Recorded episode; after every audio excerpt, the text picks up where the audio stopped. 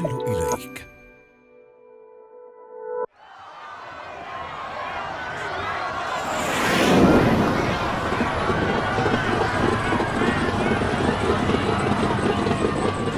إنها السنوات الأولى من الخمسينيات.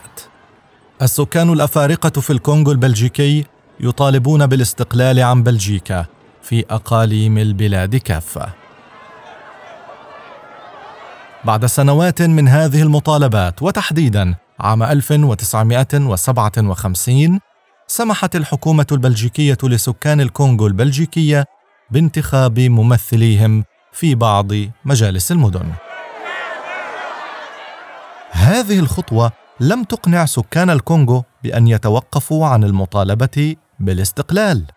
ثورة عنيفة واضطرابات في كل الأقاليم ضد الحكم البلجيكي للكونغو استمرت حتى عام 59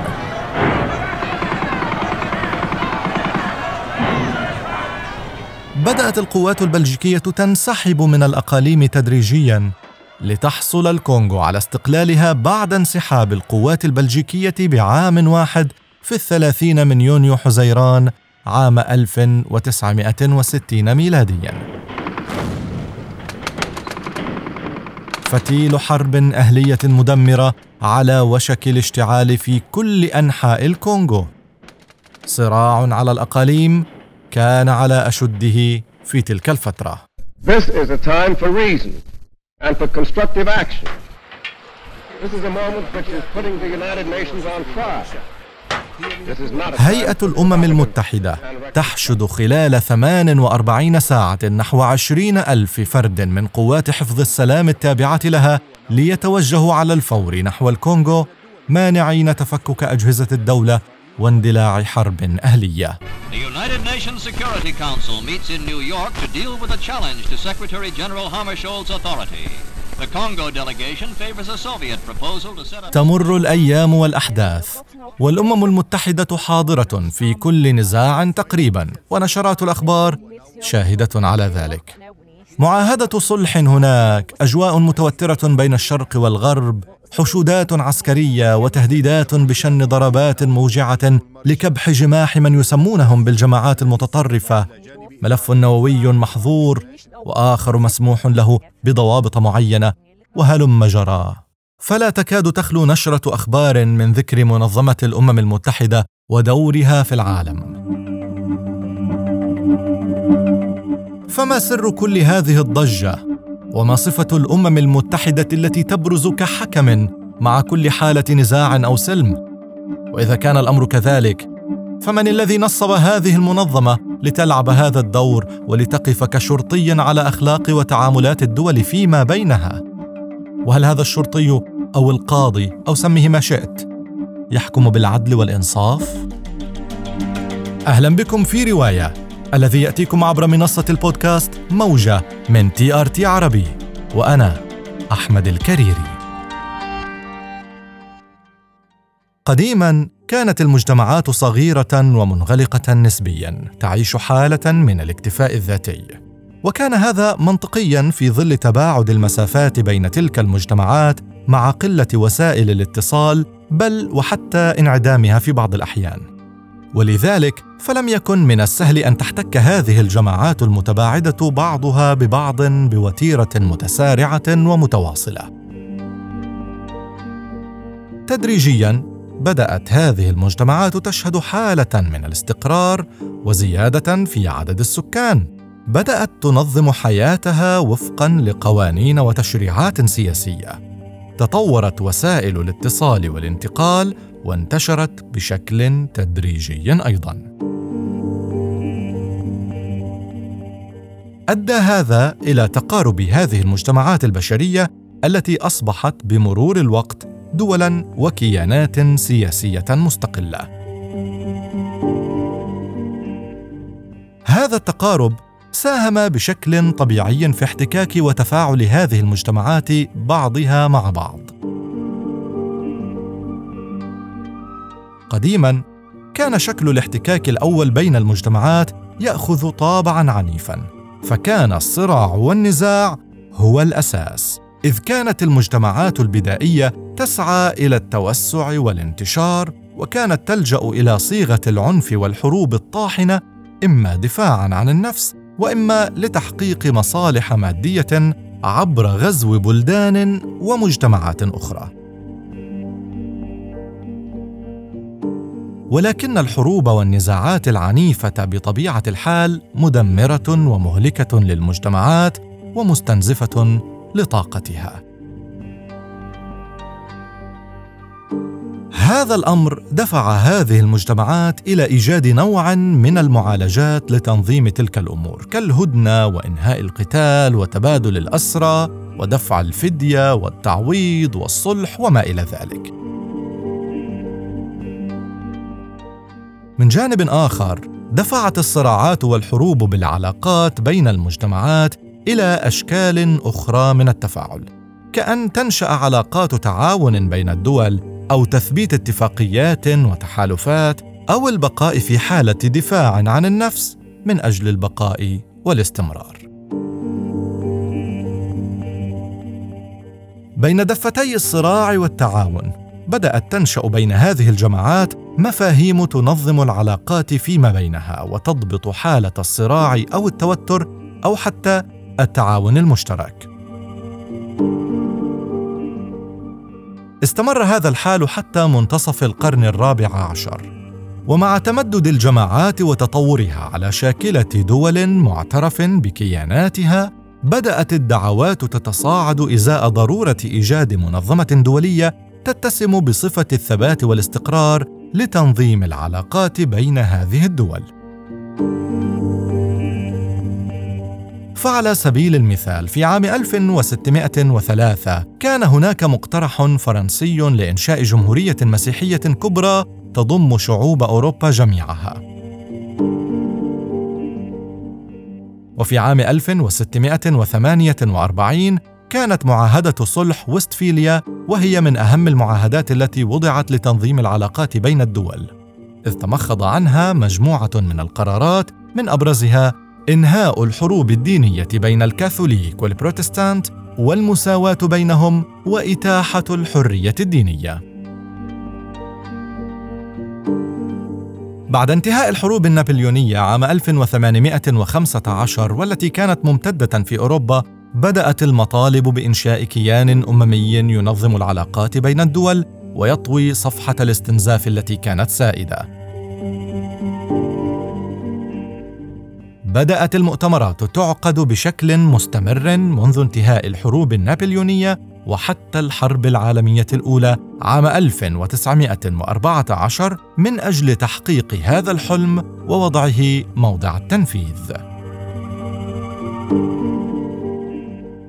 هذه المؤتمرات أفرزت منظمات على مستويات إقليمية، ولكن هذه المنظمات كانت متخصصة بجوانب معينة، فمثلا تم تأسيس محكمة التحكيم الدولية الدائمة عام 1900 ولجنة منظمة للأنهار الدولية وكانت تتركز مهماتها على تنظيم الملاحة في بعض الأنهار الدولية مثل لجنة الدانوب عام 1956 بعد حرب القرم.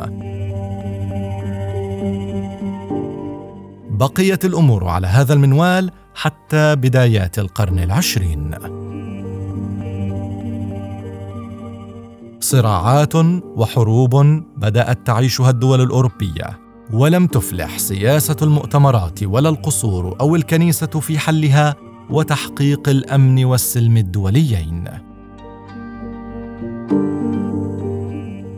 انتهت الحرب العالمية الأولى عام 1918 مخلفة دمارا كبيرا وكثيرا من القتلى إذ راح ضحيتها قرابة الثمانية ملايين.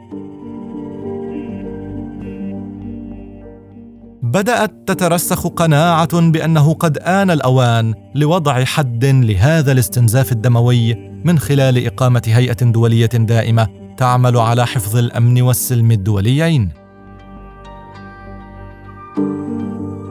جاء الرئيس الأمريكي ويلسون ودعم إنشاء عصبة أممية يكون الغرض منها تحقيق التعاون العالمي وضمان تنفيذ الالتزامات الدولية.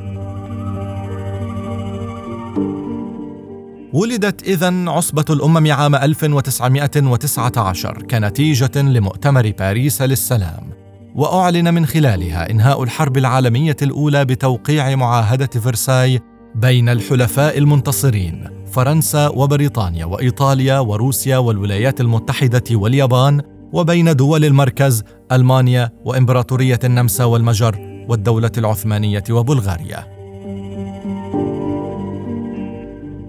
شعار هذه العصبة. الحفاظ على السلام العالمي من خلال منع قيام أي حرب كالحرب العالمية الأولى عن طريق ضمان الأمن المشترك بين الدول والحد من انتشار الأسلحة وتسوية النزاعات الدولية عبر مفاوضات وتحكيم دولي. كما كان من بين أهداف عصبة الأمم أيضا تحسين أوضاع العمل للعمال ومعاملة سكان الدولة المستعمرة والمتعرضة للانتدابات بالمساواة مع السكان والموظفين التابعين للدولة التي تقوم بالانتداب إضافة إلى إيقاف الاتجار بالبشر والمخدرات والأسلحة وحماية الأقليات العرقية في أوروبا. استمر عمل العصبة وسعيها إلى تحقيق الأهداف التي أعلنت عنها منذ التأسيس، ولكنها عجزت فعليا عن إيجاد حلول للمشكلات الدولية والتي ظهر أبرزها مع اندلاع الحرب العالمية الثانية عام 1939 مخلفة وراءها أكثر من 60 مليون قتيل في أوروبا وآسيا وشمال إفريقيا. إضافة إلى ذلك، فإن الدول دائمة العضوية في العصبة كانت من الدول العظمى في العالم، وكانت هذه الدول ترفض التصديق أو التجاوب مع ما تقرره العصبة إذا ما كان هذا القرار يتعارض مع مصالحها.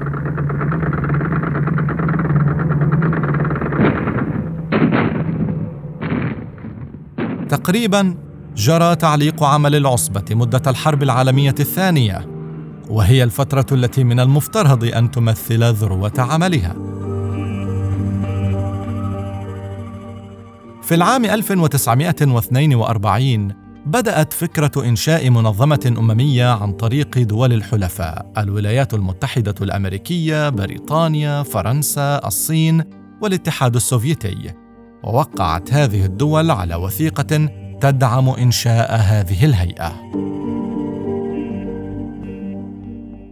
في العام الذي تلاه وفي مؤتمر موسكو دعا الرئيس الأمريكي فرانكلين روزفلت إلى تسميتها باسم الأمم المتحدة وذلك من أجل إعادة توحيد صفوف الحلفاء في مواجهة الزعيم الألماني أدولف هتلر وإنشاء هيئة دولية تقوم على مبدأ السيادة والمساواة بين جميع الأمم.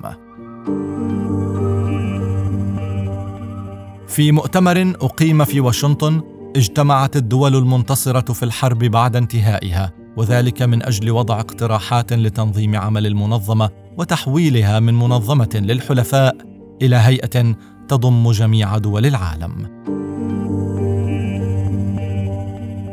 بناء على هذا المؤتمر اجتمعت تلك الدول مجددا في الرابع والعشرين من أكتوبر تشرين الأول عام 1945 في سان فرانسيسكو وأعلنت رسميا تأسيس هيئة الأمم المتحدة برئاسة النرويجي تريغفه لي الذي أصبح أول أمين عام للهيئة بمقرها الرئيسي في نيويورك.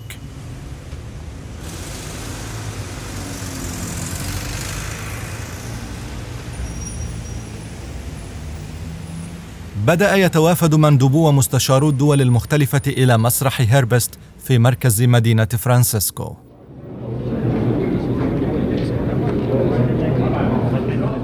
يجتمع حوالي 900 مندوب ومستشار لخمسين دولة. إنها الجلسة الختامية للمؤتمر. وها هو هاري ترومان الرئيس الثالث والثلاثون للولايات المتحدة الأمريكية يشيد بتوقيع الدول المجتمعة على الميثاق الذي أعدته وأقرته المنظمة خلال انعقاد هذا المؤتمر. If we had had this charter a few years ago, إذا كان لدينا هذا الميثاق قبل بضع سنوات وقبل كل شيء الرغبة في استخدامه فإن الملايين من القتلى الآن سيكونون على قيد الحياة. إذا تعثرنا في المستقبل في إرادتنا لاستخدامه فسيموت الملايين الذين يعيشون الآن بالتأكيد.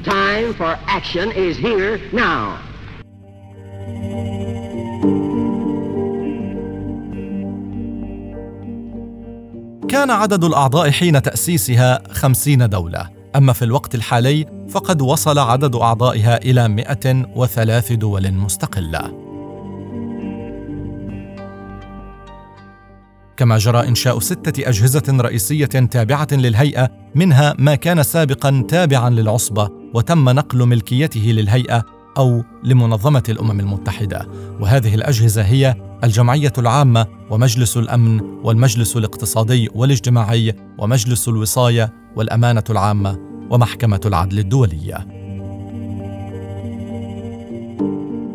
تأسست الأمم المتحدة إذن وبدأت الدول العظمى تتشارك الرؤى لتحسين ظروف الدول والسكان وتنظيم العلاقات فيما بينها. اجتمعوا على فكرة إنشاء ميثاق الأمم المتحدة والذي يضم تسعة عشر فصلا تضمن تحقيق حفظ السلام في العالم عن طريق حل النزاعات سلميا وتوضح ما الذي يجب فعله في حالات تهديد السلم ونظم الوصاية الدولية وحفظ الأمن في الدول المنكوبة التي تعاني من صراعات أهلية. فعلى سبيل المثال عام 1964 أرسلت الأمم المتحدة قواتها إلى قبرص مانعة نشوب حرب بين اليونانيين والأتراك الذين يتقاسمون هذه الجزيرة. حصلت الأمم المتحدة على جائزة نوبل للسلام عام 1964 لمساعدة الأطفال عقب الحرب العالمية الثانية. وعام 1981 حصلت على الجائزة للمرة الثانية لمساعدتها اللاجئين الآسيويين. اليوم وبعد مرور أكثر من 75 عاماً على تأسيس الأمم المتحدة، استطاعت المنظمة تحقيق إنجازات عديدة، وفي المقابل لم تحقق توقعات الكثيرين ممن تعلقوا بحبال المنظمة ووعودها. فبالرغم من هذه النجاحات إلا أن الأمم المتحدة إلى الآن لم تحدث تقدما ملموسا في أهم الملفات المطروحة اليوم على المستوى الإنساني والاقتصادي والسياسي كالملف السوري على سبيل المثال. طرحت العديد من المبادرات للوصول إلى حل ينهي الحرب الدائرة في البلاد منذ عام 2011 إلا أن هذه المحاولات حتى الآن لم يكتب لها النجاح. سيما وأن دولا دائمة العضوية في الأمم المتحدة تستخدم حق النقد الفيتو وبالتالي يعرقل أي مقترح لحل الأزمة. الملف السوري ليس الملف الوحيد. فلا تزال القضية الفلسطينية تمر بمنحنيات خطيرة وصعبة. كذلك الملف العراقي وكذلك الأوضاع في ليبيا واليمن وغيرها من دول العالم. يرجع البعض السبب إلى أن الدول الأعضاء غير متعاونة فيما بينها. فالأمم المتحدة عبارة عن كتلة من الأجزاء وعندما تعمل هذه الأجزاء ضد بعضها فإن النتيجة الحتمية ستكون الجمود والعجز. أصبحت قاعة المجلس مليئة بالانتقادات اللاذعة الاتهامات المتبادلة وإبطال قرارات أو مقترحات قرارات. بمكابح الفيتو. هل تعتقدون أن الأمم المتحدة حققت إنجازات ملموسة على صعيد تحقيق الأمن والسلم العالميين؟ أم أنها تعيد الحالة التي كانت عليها عصبة الأمم قبلها؟ شاركونا بآرائكم في التعليقات حول هذا الموضوع وإلى أي حد تعتقدون فعلا أن بإمكان الأمم المتحدة السيطرة على النزاعات الدائرة اليوم في مناطق مختلفة حول العالم. تابعونا في الحلقة القادمة من رواية عبر منصة بودكاست موجة من TRT عربي. موجة. نصل إليك.